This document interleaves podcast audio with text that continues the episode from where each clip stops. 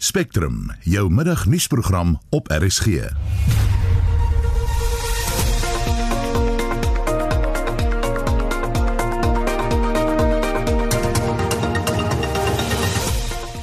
die program die Amerikaanse regering verklaar die ISIS ekstremiste groep in Mosambiek as 'n buitelandse terroriste organisasie. A key impact of the designation will increase US involvement in the fight against terrorism in Cabo Delgado. This could benefit broader US intelligence on ISIS and Islamist groups around the world, especially in Africa. Ons kry reaksie en praat in die algemeen oor hoe die konflik die streek raak en verkeersowerhede gaan hommeltuie, supervinnige voertuie en lyfkameras inspann om wet en orde oor die lang naweek te handhaaf. Daardie polisiebeamptes of verkeersbeamptes wat geneig is om omkoopgeld te vat of wat byvoorbeeld onwettig optree wanneer hulle mense aftrek omdat hulle nou weet dat hulle dop hulle optrede dopgehou word. So dit het 'n bepaalde afskrikkingswaarde ook. Goeiemiddag, ek is Susan Paxton. Dis nou bykans 11 minute oor 1. Welkom terug by Spectrum. Die Amerikaanse regering het 'n groep wat met die Islamitiese Staat of ISIS terreurgroep in Mosambiek se noordelike Cabo Delgado provinsie verbind word as 'n buitelandse terroriste organisasie verklaar. Die beleid verbind Washington daartoe om die groep in Suid-Afrika se buurstaat aktief te beveg. Die afgelope 3 jaar sê toerisme of terrorisme ontleeders is duisende mense dood en byna 700 000 dakloos gelaat as gevolg van aanvalle deur die Mosambiekse ekstremiste groep. Darren Tyler berig. Die ISIS militante het begin om nedersettings en dorpies in Cabo Delgado aan te val in Oktober 2017. Die groep het verklaar hy's vyand van die Mosambiekse regering wie se troepe tot dusver geensins in staat was om die opstandigheid onder beheer te bring nie. Nearly 100 violent events have occurred in which over 200 people have died between 1 January and 14 March this year. Martin Ewi monitor die krisis vir die Instituut vir Sekuriteitsstudies in Pretoria. ISIS Mozambique is actually Alusuna Wajama, the militant Islamist group locally known as Al-Shabaab, which is believed to have been formed in Musimboada prior in 2007, but which only began violent operations in early October 2017 when militant stormed police stations in Musimboada Praia. Ewi sê dit is nog nie duidelik wat die militante se doelwitte is nie. Die Mosambiekse groep het voorheen gesê hulle wil die lewens van die arme mense van Cabo Delgado verbeter omdat die regering nie vir hulle omgee nie. Maar die vegters vermoor en brutaliseer die plaaslike inwoners gereeld. The recent targeting of children, particularly the beheading of young boys and girls, is an indication of the horror and how fast the security situation has deteriorated in Cabo Delgado. Die chaos is besig om ander negatiewe gevolge te hê. Hulporganisasies sê sowat 850 000 mense benodig dringend kosvoorraad in die provinsie. Ewi sê die militante word gelei deur 'n Tansaniese burger, Abu Yasser Hassan, wat die Amerikaanse regering as 'n internasionale terroris bestempel het. There is very little information about Hassan. Even the Inspector General of Police of Tanzania does not even have information on who Hassan is. What we know so far is that he is between 38 and 40 years old, but nothing is known about his character, temperament, and philosophy. He is famous for leading the operation that captured the port of Musimboada Praia in northern Mozambique and the operations in Tanzania in the Intwara region, neighboring Mozambique. ISIS Mosambiek loods nou ook aanvalle op teikens in suidelike Tansanië waar hulle dieselfde gruweldade pleeg voordat hulle oor die grens terug na Cabo Delgado toe vlug.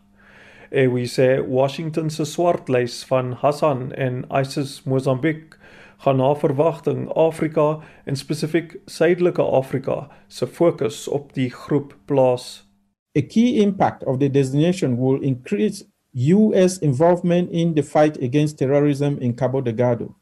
This could benefit broader US intelligence on ISIS and Islamist groups around the world, especially in Africa, such as Al Shabaab in Somalia, Boko Haram in the Lake Chad Basin, Al Qaeda in the Islamic Maghreb. Hy sê ander islamitiese terreurorganisasies in Afrika verskaf hulle bondgenote in Mosambiek met vegters en moontlik ander hulpbronne soos wapens en geld.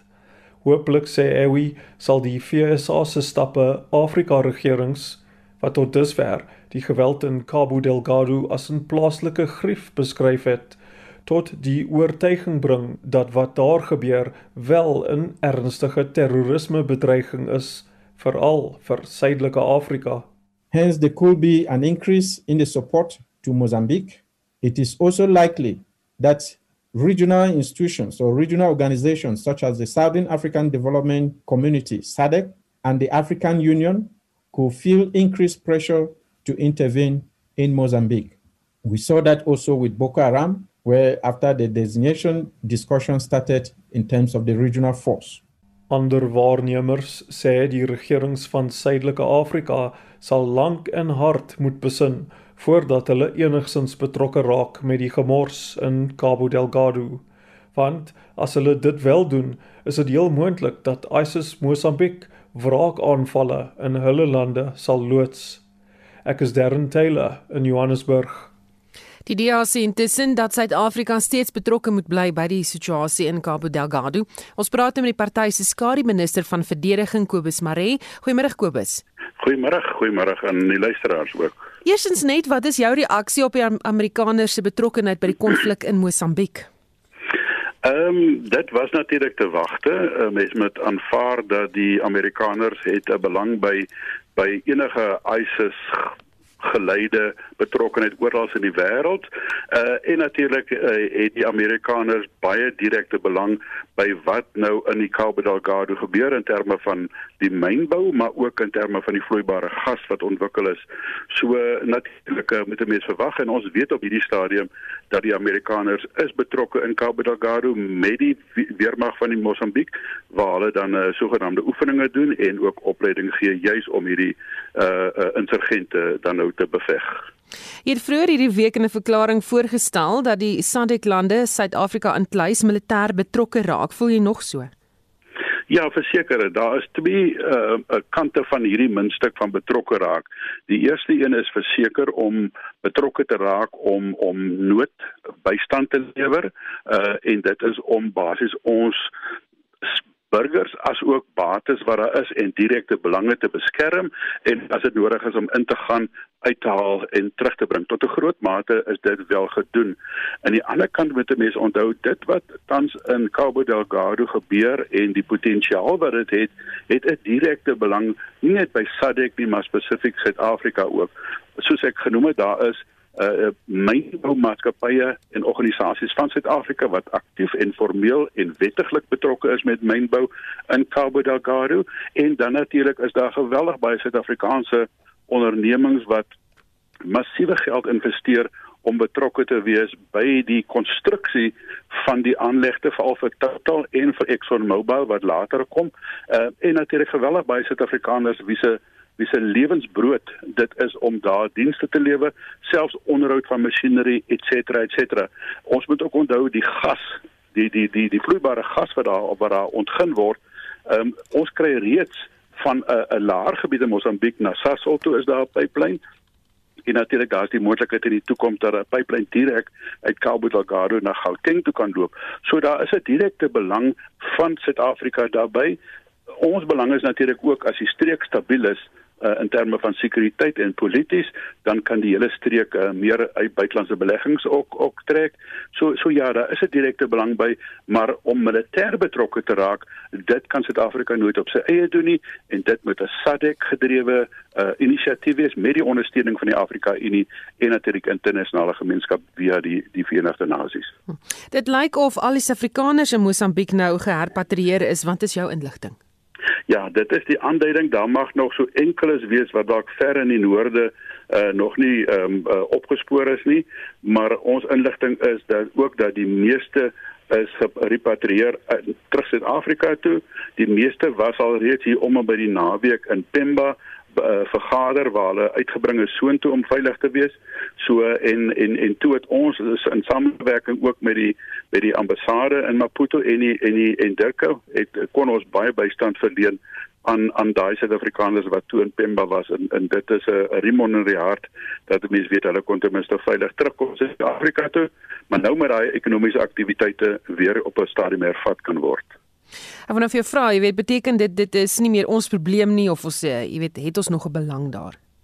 verseker het ons 'n belang daarbey en soos wat ek nou genoem het van hierdie in terme van energie en die stabiliteit uh en ek dink dit is baie baie noodsaaklik dat Suid-Afrika ook die ekonomiese voordeel kan kry. Onthou ehm uh, baie mense se se lewensbrood word daar verdien en baie in al hierdie Suid-Afrikaanse ondernemings daar het geweldig baie Mosambiekse burgers in diens geneem en ons weet kundigheid uh sit in Suid-Afrika die vaardighede, die kapasiteit, die vermoë. So ek dink ons het 'n belang daarbey en ons moet die belang behou en ons moet die belang beskerm, maar op 'n baie verantwoordelike wyse. Baie dankie. Dit was die DEA se skare minister van verdediging Kobus Maree. En ons praat nou ook met die Vryheidsfront Plus se hoofwoordvoerder oor internasionale betrekkinge, Dr. Corneil Mulder. Goeiemiddag Corneil. Goeiemôre. Julle sien 'n baie bepaalde bedreiging vir Suid-Afrika. Kan jy meer besonderhede gee? Ja, ek dink die mense moet uh, naïef wees en dink dat hierdie is ver weg van ons af nie. Dit is inderdaad so, dit staan in die noorde van Mosambiek. Maar wat hier nie gebeur is, is 'n bedreiging vir hele Suid-Afrika en sluit Suid-Afrika spesifiek in. Ek dink mense moet naïef wees as jy nie dink dat ISIS ook sy oog op Suid-Afrika het nie en dat hy waarskynlik reeds 'n vaste plek hier begin kry. As ek net die luisteraars kan vinnig herinner, in Februarie 2018 is reeds twee mense in KwaZulu-Natal gearresteer met ISIS bande. Hulle het 'n sel gevorm by Ballito daar in Natal en hulle het hulle ook gekry werwingsmateriaal vir mense om aan te sluit by ISIS en as ek kan teruggaan in in uh, Julie 2016 was daar 'n verdere arrestasie gewees op die Wesrand waar twee mense gearresteer was juist met die presies dieselfde ding wat 'n aanval beplan het op die Israeliese ambassade. So my bekommernis is dat die Suid-Afrikaanse regering kan nie terugstaan hier en dink dit raak ons nie, dit raak ons direk en ons wil onmiddellik betrokke raak die feit dat die FSA nou reeds na vore kom en die uh organisasie as 'n buitelandse terreurorganisasie verklaar. Ons het net nou ook gehoor dat Portugal 60 soldate gaan stuur om hierdie bedreiging te hanteer. Dit is alles 'n werklikheid en die Suid-Afrikaanse regering kan nie meer eenvoudig terugstaan nie. Daarom vra ek dat die minister van buitelandse sake onmiddellik die Amerikaanse regering sal kontak en toesien dat hulle huis in orde kry. Hierdie ekstremiste groep het blykbaar reeds 'n vaste plek in Suid-Afrika. Inderdaad, as jy gaan kyk na hierdie arrestasies wat reeds plaasgevind het, die twee mense wat gearresteer was by uh, in, in KZN, by Balito was uh, meneer Aslam Delvichu en Fatima Patel. En Fatima Patel is weer die broer van Ibrahim gewees wat in die Wesrand gearresteer was wat die aanval op die Israeliese ambassade beplan het. So daar's geen twyfel nie en daar's by hulle almal gevind uh, werwingsmateriaal vir mense om aan te sluit by ISIS. Ons kan nie wegstaan daarvan af nie, inteendeel. En uh die feit van die saak is uh, as mens nou gaan objektief kyk, hoe is die bedreiging van ISIS verslaan in die Midde-Ooste? Daar's nie met hulle onderhandel nie, daar's nie met hulle lekker gekuier wat ek kan, hulle is eenvoudig fisies vernietig. As jy praat van 'n organisasie ekstremisme wat mense se koppe afkap, kinders se koppe afkap, mense se koppe afkap, jy onderhandel nie met hulle nie, jy praat nie met hulle nie, jy moet hulle eenvoudig uitdryf en die ding eenvoudig opklaar. En wat my betref is Mosambiek se regering hier verantwoordelik sowel as die as, as die regering van Tansanië. Hulle het die eerste verantwoordelikheid. Hulle laat toe dat van hulle grondgebied hiervoor gebruik word en hulle moet onmiddellik die nodige stappe neem. Nou moet ek eerlikwaar sê dit lyk nie vir my of die Mosambiekse regering militêr in staat is om die nodige te doen nie. Daarom het die Portugese nou 60 soldate stuur en die FSA sal seker ook betrokke raak. Maar die die sê die, die, die, die SADC sal onmiddellik moet betrokke raak hierby want hierdie ding is op pad na ons toe as ons nie die nodige maatreëls so gou as moontlik tref nie. Baie dankie. Dit was die Vryheidsfront Plus se hoofwoordvoerder oor internasionale betrekkinge, Dr. Corneil Mulder.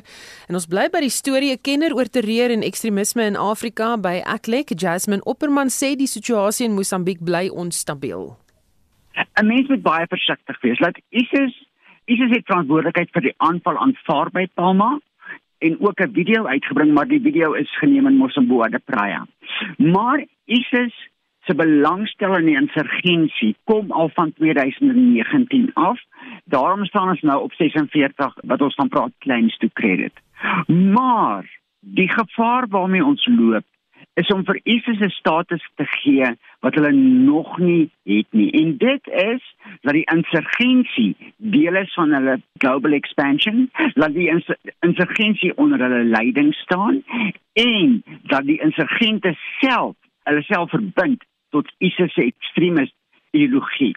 Maar hoe langer die insurgensie gaan voortgaan, hoe meer geleentheid gaan daar wees vir ISIS om wel 'n baie sterker teenwoordigheid in Cabo Delgado te kry. So wat sou mens hierdie terreurgroepe dan nou noem? Op hierdie stadium by Aklet en by Cabo Delgado project wat net op Mosambiek fokus, verwys ons na 'n insurgency en ons verwys na Alsuna, die groep wat ons weet wat van die begin af verantwoordelik was vir die aanvalle. Daar is dood eenvoudig nie genoeg feite op die tafel om ons metodologie te verander of te sê dat dit die islamitiese staat in Mosambiek is nie. Amerika se klassifisering van wat daar gebeur en die oplossings wat hulle aanbeveel. Amerika sal nie 'n designation uitbring as hulle nie intelligensie het nie. Maar ons het nie toegang tot hierdie intelligensie verslaan nie. Wat ek 'n probleem mee het, is die strategie wat gevolg is. Om dit nou te doen, Islamic State Mozambique as 'n terreurorganisasie te verklaar met 'n leier wat ons nog nooit van gehoor het nie.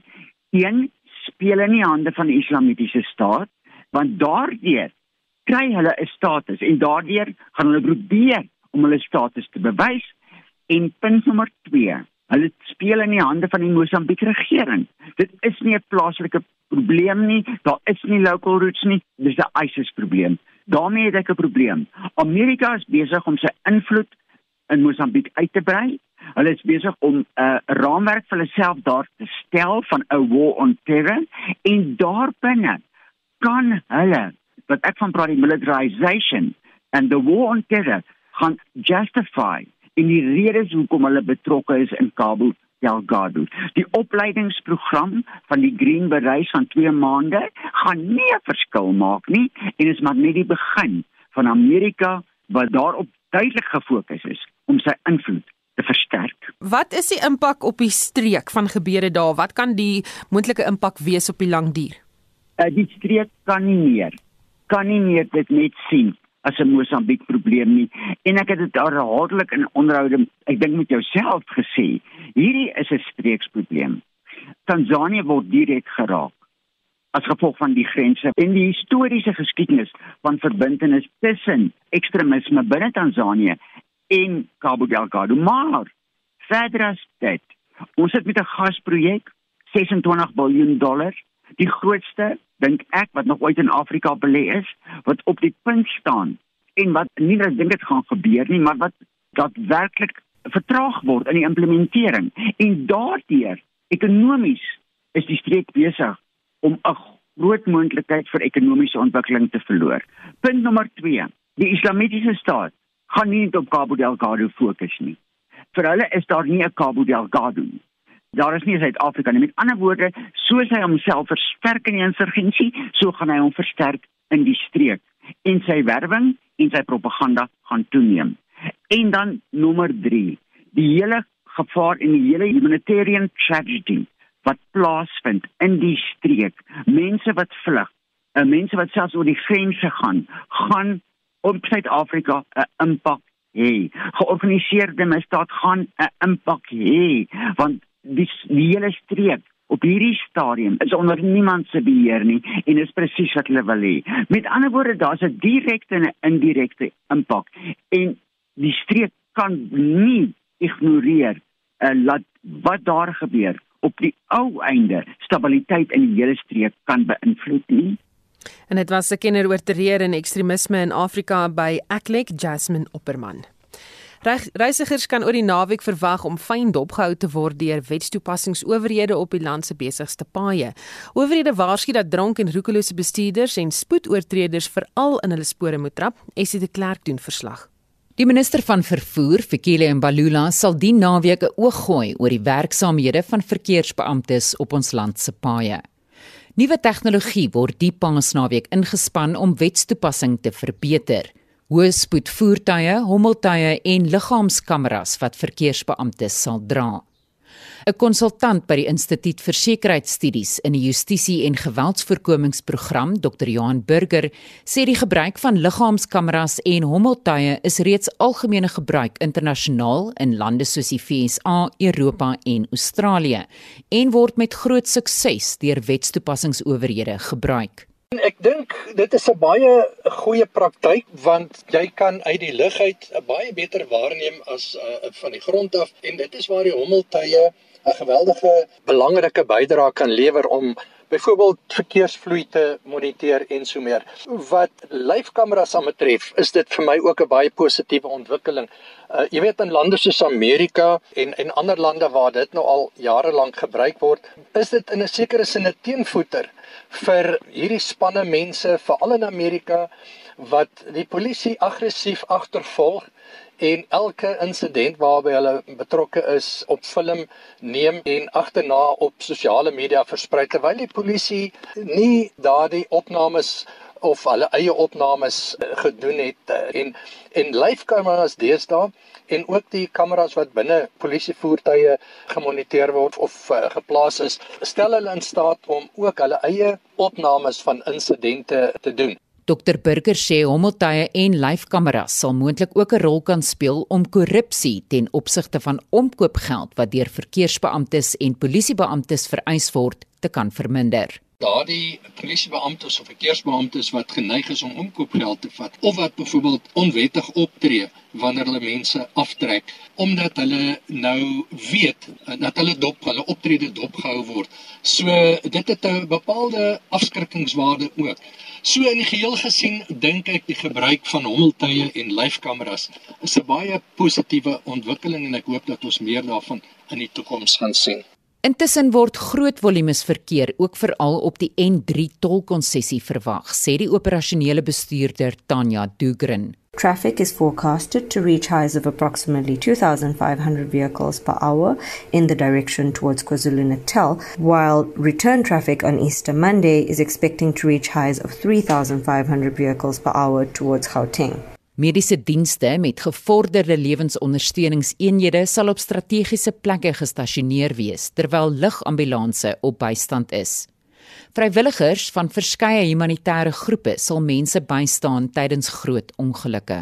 Through well established route incident management systems, extensive plans are in place for increased visibility of law enforcement and emergency services along the entirety of the N3 toll route. Road users should be prepared for random checks focused on vehicle roadworthiness, driving under the influence, as well as compliance with the COVID protocols.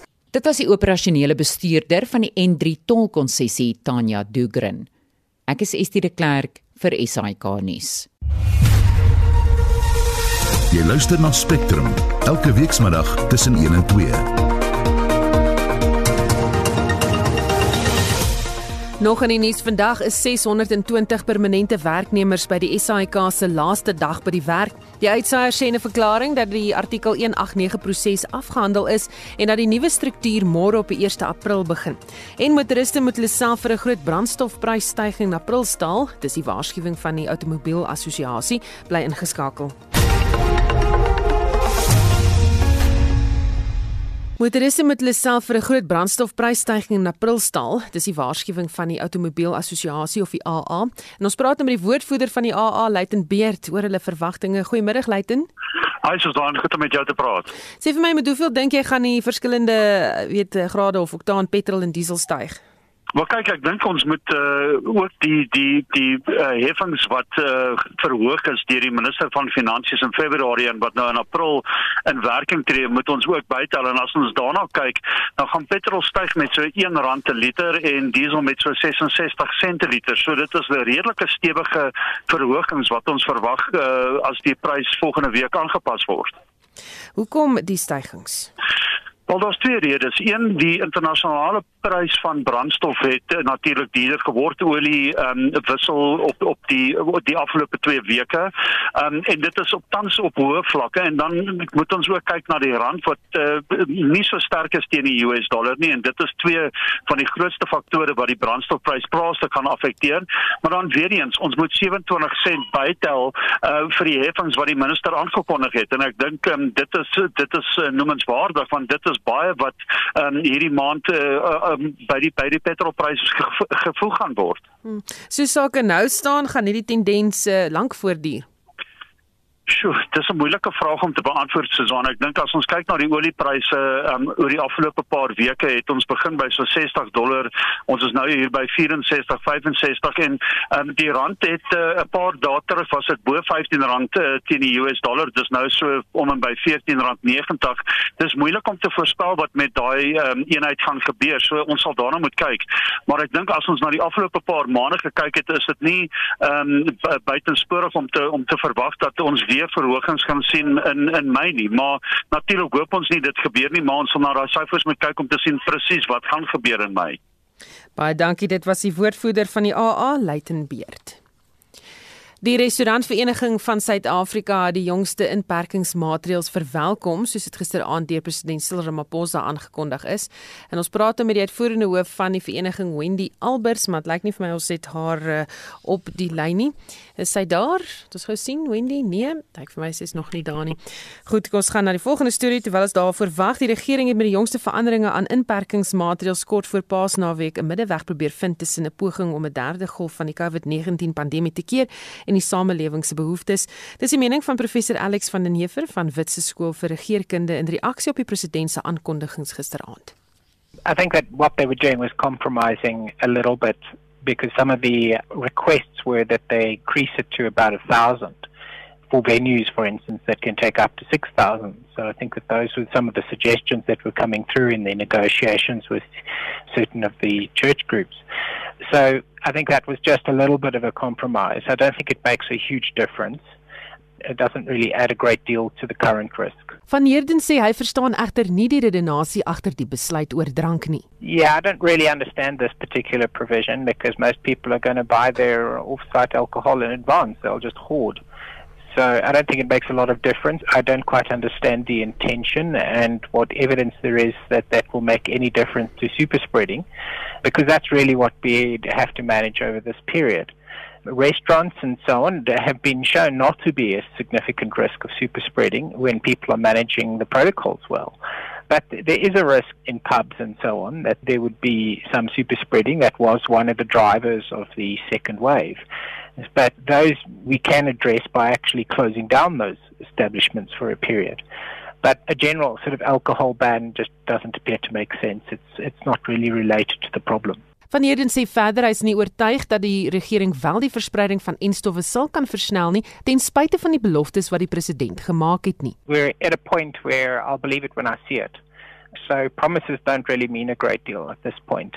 And the problem at this point is that they haven't really implemented any kind of ground game. And that's what's going to make the difference. We have to be vaccinating now at up to 300,000 per day if we're going to make any material impact this year. And that's now going to happen only from the end of April. The government threw back the AstraZeneca vaccine, which it could have used at the very least to kind of scale up a ground game and to get us up to those levels. But now we will be beginning with, you know, maybe uh, under 50,000 vaccinations a day. And what's going to happen is this: the uh, Johnson and Johnson's made these promises about vaccine doses, but the reality is is that they can produce in Port Elizabeth, they can produce up to a million doses a day. But if we're only going to administer 50,000 a day, they're going to export the difference. So we're going to get vaccines purely at the rate at which we can vaccinate. And that, I think, means that the ball is basically firmly in the court of government to get its act together. Van Heerden sê dis tyd dat die private sektor toetree tot die kwessie. The private sector can make a huge difference. The question is really whether or not we've got an integrated ground game in place because we need to have the information systems in place, the booking systems. We need to make sure that the uh, supply of vaccines to vaccine sites meets the demand, and we need to do that at scale. We need to set up new vaccination sites, you know, sort of max vaccination sites as well. Um, and I'm pretty sure the private sector can put can do that and put it together. The problem here is where the government is creating the platform that will create an integrated approach which involves both the public and the private sector. But it's absolutely essential that the private sector is part of this. There's no way that government will get to scale on its own. Van Heerden sê daar is verskeie faktore wat sal bepaal of en hoe vinnig 'n derde golf van COVID-19 infeksies sal plaasvind. So the waves are, are clearly driven by human behavior, and that's one of the factors. The other is the extent to which we have some degree of, uh, of immunity against infection operating at the, the community level. The second wave was really uh, quite devastating, and a lot of people got infected. And if we do sort of reverse engineer the excess death information, a relatively large number of people have been infected in South Africa. So it's possible that in areas where people are behaving badly, they, they have been behaving badly for quite a long period of time, and uh, there's some degree of localized herd immunity. But there's still a very large population susceptible to infection. So we could get a, a, third wave. It will depend on behavior, and that behavior impacts on super spreading because it's not really just general community based transmission that drives infections. So I, I think we, it, it really it depends, and there's a, a degree of uncertainty, but it's, it's not showing as yet. En dit was professor Alex van der Neever van Witse Skool vir Regeringskunde. Nou soos ek vroeër gesê die restaurantvereniging van Suid-Afrika het die jongste inperkingsmaatreëls verwelkom soos dit gisteraand deur president Cyril Ramaphosa aangekondig is. En ons praat nou met die uitvoerende hoof van die vereniging Wendy Albert. Goeiemôre Wendy. Goeiemôre, hoe gaan dit met almal? Met ons hier gaan dit baie goed, maar sê gou vir my julle reaksie op gisteraand se aankondigings. Julle het seker 'n sig van verligting gesig. Absoluut. Ons is baie uh, verlig met die nuus wat ons van die president gekry het en ons uh, sê baie dankie vir almal in die um in the ministerial divisions and we are extremely grateful. You know the numbers made absolutely no sense for us to move into lockdown. We felt hardship like no other industry did on the streets of the union building when we um, advocated to save the industry. And what I can tell you is that restaurants certainly have done everything over the last couple of weeks to ensure compliance and to measure up to the health and safety standards that need to be met in order to keep patrons safe. So, you know, as we've moved through these weeks, we certainly have felt that it wasn't um, the place to have put lockdown within restaurants. What government really should be doing is controlling the uncontrolled spaces. The youth that throw beach parties or road parties or cooler box parties or tuck shop parties or, you know, going to lock in nightclubs, etc. It is not the restaurants who are the super spreaders of COVID. And we are grateful that they finally heard our plea and the conversations that we've been having in order to avoid a lockdown. Hmm. Is daar nog inperkings wat op restaurante van toepassing is? Sê dit weer vir my asseblief. Is daar nog inperkingsregulasies wat op restaurante van toepassing is? Yeah, glad nie. So we're just going to continue with the same regulations that we've got, which is obviously completing the register, taking temperatures, ensuring that we have contact tracing and sanitization takes place on a constant basis, as well as the fumigation of our outlets and the monitoring of staff in their um, utilities. En dan Wendy, hoe lyk die bedryfsomgewing vir die restaurante wat nou oorleef het? We're very fractured. The industry is fractured for a long time. You know, we are entrepreneurs, we're beautiful people who run these amazing businesses, and we are really just here to try and find solutions to build the businesses ourselves. We've had no reprieve from the banks.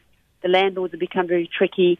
We are now getting legal letters from all the luxury licenses that we have within our establishments for non-use through the um, levels of lockdown for over the last year. It's a lot of tricky challenges. It's still very messy. You know, we, we look at opportunities like this to um, invite people into our establishments to rebuild. Our businesses are really large. We're only allowed to, in some total, operate within about 60% of those capacities.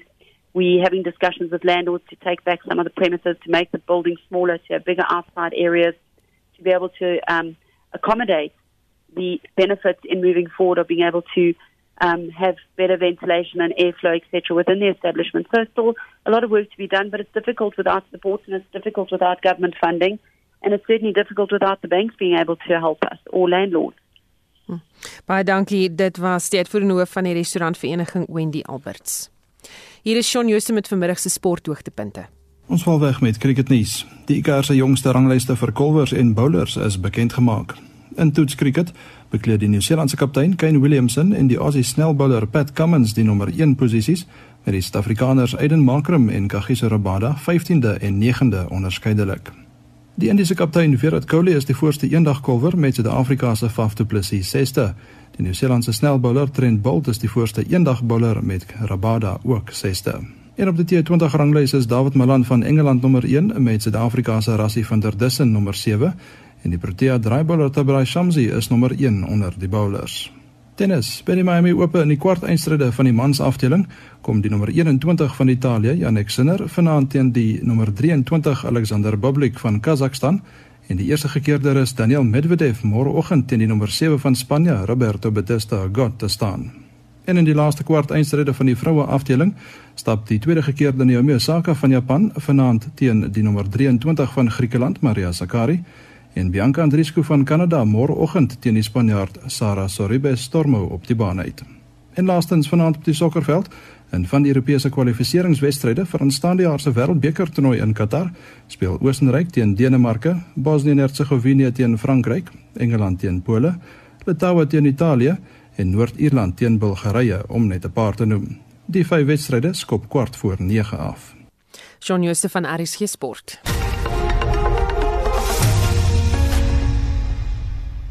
Vandag is 620 permanente werknemers by die SAIK se laaste dag by die werk. Die uitsaaier sê in 'n verklaring dat die artikel 189 proses afgehandel is en dat die nuwe struktuur môre op die 1 April begin. Vakbonde waarsku egter dat alle poste vir die nuwe struktuur nog nie gevul is nie en dat die besnoeiing van personeel die kwaliteit van die SAIK se uitsendings in gedrang plaas. Marlene Forsie het meer besonderhede. Heel party werknemers wat deel vorm van vandag se massa-uittog was dekades lank by die SAIK. Die uitsaaier sê in 'n brief aan personeellede, hy erken dat die proses uitmergelend was en sy emosionele tol geëis het, maar dat dit nodig was om finansiële volhoubaarheid te verseker. Uit die 621 personeellede wat vandag die gebou verlaat, het 346 besluit om die skeiingspakket te aanvaar. Heel party is egter ontstel oor die wyse waarop die situasie hanteer is. There didn't seem to have been any fairness or any full transparency out of the whole process. One has given 16 years of their life working for an organization, and I've given everything, but it feels like it means nothing. Well, I've been employed by the SABC for the last 32 years. It actually saddens me that we have to terminate our services in such a way. It was really unfortunate that uh, we, as very experienced uh, crew of the SABC, had to be taken out at a time when they really need this kind of experience, you know. As a result, result of it being unexpected, we haven't really made plans as to what we are going to be doing after this. Die vakbond by Mawu sê hoewel die SAIK sê die proses is afgehandel, is daar nog verskeie poste wat nie gevul is nie. Die vakbond sê verder, heelwat poste is nog nie geadverteer nie en dat heelparty werknemers in hulle ou poste aangestel word teen 'n baie laer skaal. Volgens Bemawu se president, Hannes Dubison, gaan die werknemers se werkslas boonop toeneem selfs al word hulle minder betaal.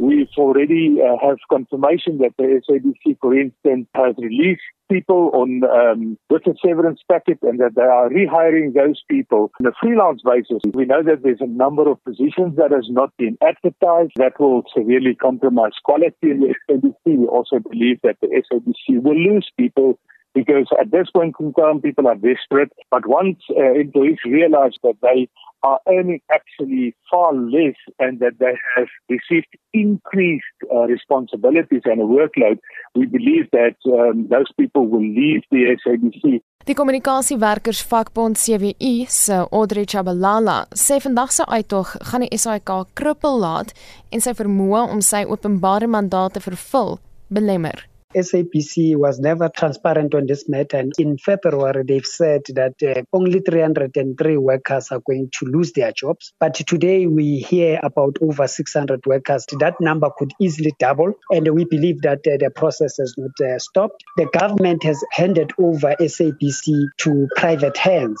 who are basically going to cripple the SOE's content will be now be uh, uh, outsourced. I don't think that we should give up on this fight because once we do so, we'll basically basically be allowing SAPC to be completely collapse. 'n Arbeidskonsultant, Tony Healy, sê verskeie ander maatskappye moes net soos wat die SAIK nou doen, werknemers aflê. Volgens hom gaan die SAIK daaraan moet werk om die moreel in die gebou te herstel. SABC has unfortunately become yet another statistic when it comes to large scale retrenchments. The SABC management is absolutely going to need to do whatever it can to restore morale and to do as much as it can to ensure that there's a sense of job security for the remaining employees. Die SAIK se bestuur weier om onderhoude toe te staan en sê daar's genoeg met werknemers gekommunikeer deur middel van interne kommunikasiekanale. Hierdie verslag deur Prabashni Moodley, Marlene Forsie, SAIK nuus. Dis 1354 video's van 'n beweerde aanrandingsvoorval Sondag in die polisiestasie by Witrifuur in Mpumalanga doen die afgelope paar dae die ronde op sosiale media. Die voorval betrek glo boere in die omgewing en mans in burgerlike drag wat na bewering vir 'n sekuriteitsmaatskappy werk. Dit lyk of polisielede wat aan diens was in die polisiekantoor niks gedoen het om in te gryp nie. Die insident is egter voorafgegaan deur 'n ander voorval buite die polisiekantoor. Die hele episode word deur die polisie se onafhanklike ondersoekende direktoraat ondersoek. Esie de Klerk doen verslag. Op die video kan gesien word hoe Delia Iman se verloofde, net bekend as Barend, volgens 'n nie-amptelike Facebook-verklaring wat sy uitgereik het, in die Witrifuur polisiekantoor deur een man in siviele drag van agter op die grond neergetrek word, terwyl nog 'n man, ook in siviele drag, hom van voor takel. Terwyl hy op sy rug op die vloer spartel, word hy van die kant af deur nog 'n man geskop. Dan word hy deur die eerste twee mans op die vloer gesleep na 'n ander kamer. Hulle word bygestaan deur nog 'n man wat geklee is in die uniform van 'n private sekuriteitsfirma. Terwyl Delia om dowe neete om hulp skree, probeer Barend om liggaamlike weerstand te bied teen die mans wat hom op die vloer sleep. Die volgende oomblik kan die liggaam en voete gesien word van 'n vrou wat in 'n koningsblou rok geklee is. Sy maak die deur toe van die kamer waarheen die man gesleep word. Delia neem nou die beeldmateriaal af deur die venster van die kamer wat gedeeltelik verskans word deur toegetrekte blinders. Barend lê op die vloer en spartel terwyl twee mans oor hom buig en iets by hom probeer afneem.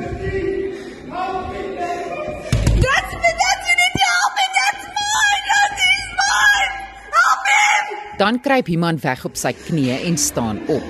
Daarna kom hy by die deur uit. Ek kras my glas.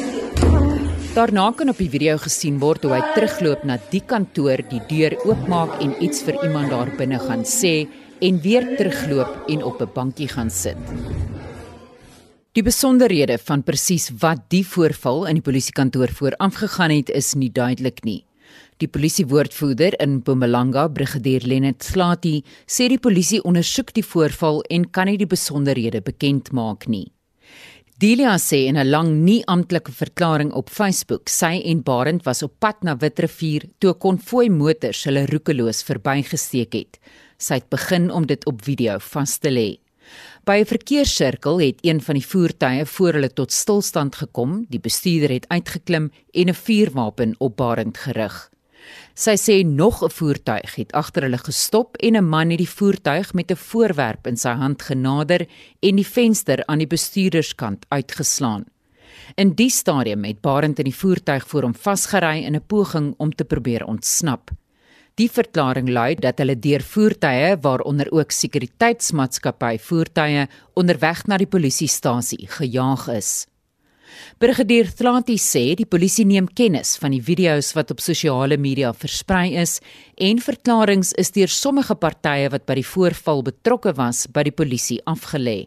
This incident is unfortunate and shows lawlessness on the part of the individuals involved. The police station is not a battleground. The conduct of the people who were involved in the physical fight is unacceptable Brigadier Thlati sê die man wat in die video aangerand word, het tot nou toe nog geen klag by die polisie ingedien nie. The man who appears on the video seen being pressed down to the ground is still urged to come to open a case at the White River police station or he can then engage the police so that they can come to him so that a case can be opened because we have been asking him since on Sunday up until this date there is no case that has been registered.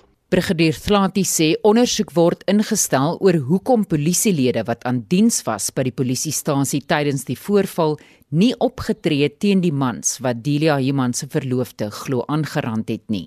The District Commissioner of Ehlanzeni Major General Diana Mashele has urgently attended to this matter and has since established a committee led by two senior police officers to probe this issue with regard to the conduct of the members that were on duty on that day. An inquiry has been opened regarding this issue with a view to acquire detailed information on this particular issue. Hy sê 'n strafregtelike klag van opsetlike saakbeskadiging en krimin injuria is egter teen Human se verloofde oor die voorval ingedien wat die aanranding by die polisiekantoor vooraf gegaan het. Volgens 'n mediaverklaring wat deur Klaatie uitgereik is, word die man in die video daarvan beskuldig dat hy teen die voertuig van die ander party vasgery het en rassistiese aanmerkings gemaak het. Apparently there were some alleged criminal activities that has been said to have been done by the person. The police would like to inform the public that the independent Police Investigative Directorate is aware of this issue and is monitoring the movements in terms of these investigations. Delia Jeman het nie gereageer op 'n versoek van Spectrum om 'n onderhoud nie. Ek is Estie de Klerk vir SAK nuus. En uh, dit was Spectrum met waarnemende uitvoerende regisseur Wessel Pretorius, vandag se redakteur Hendrik Martin en ons produksieregisseur Lewona Bekes. My naam is Susan Paxton. Geniet jou middag.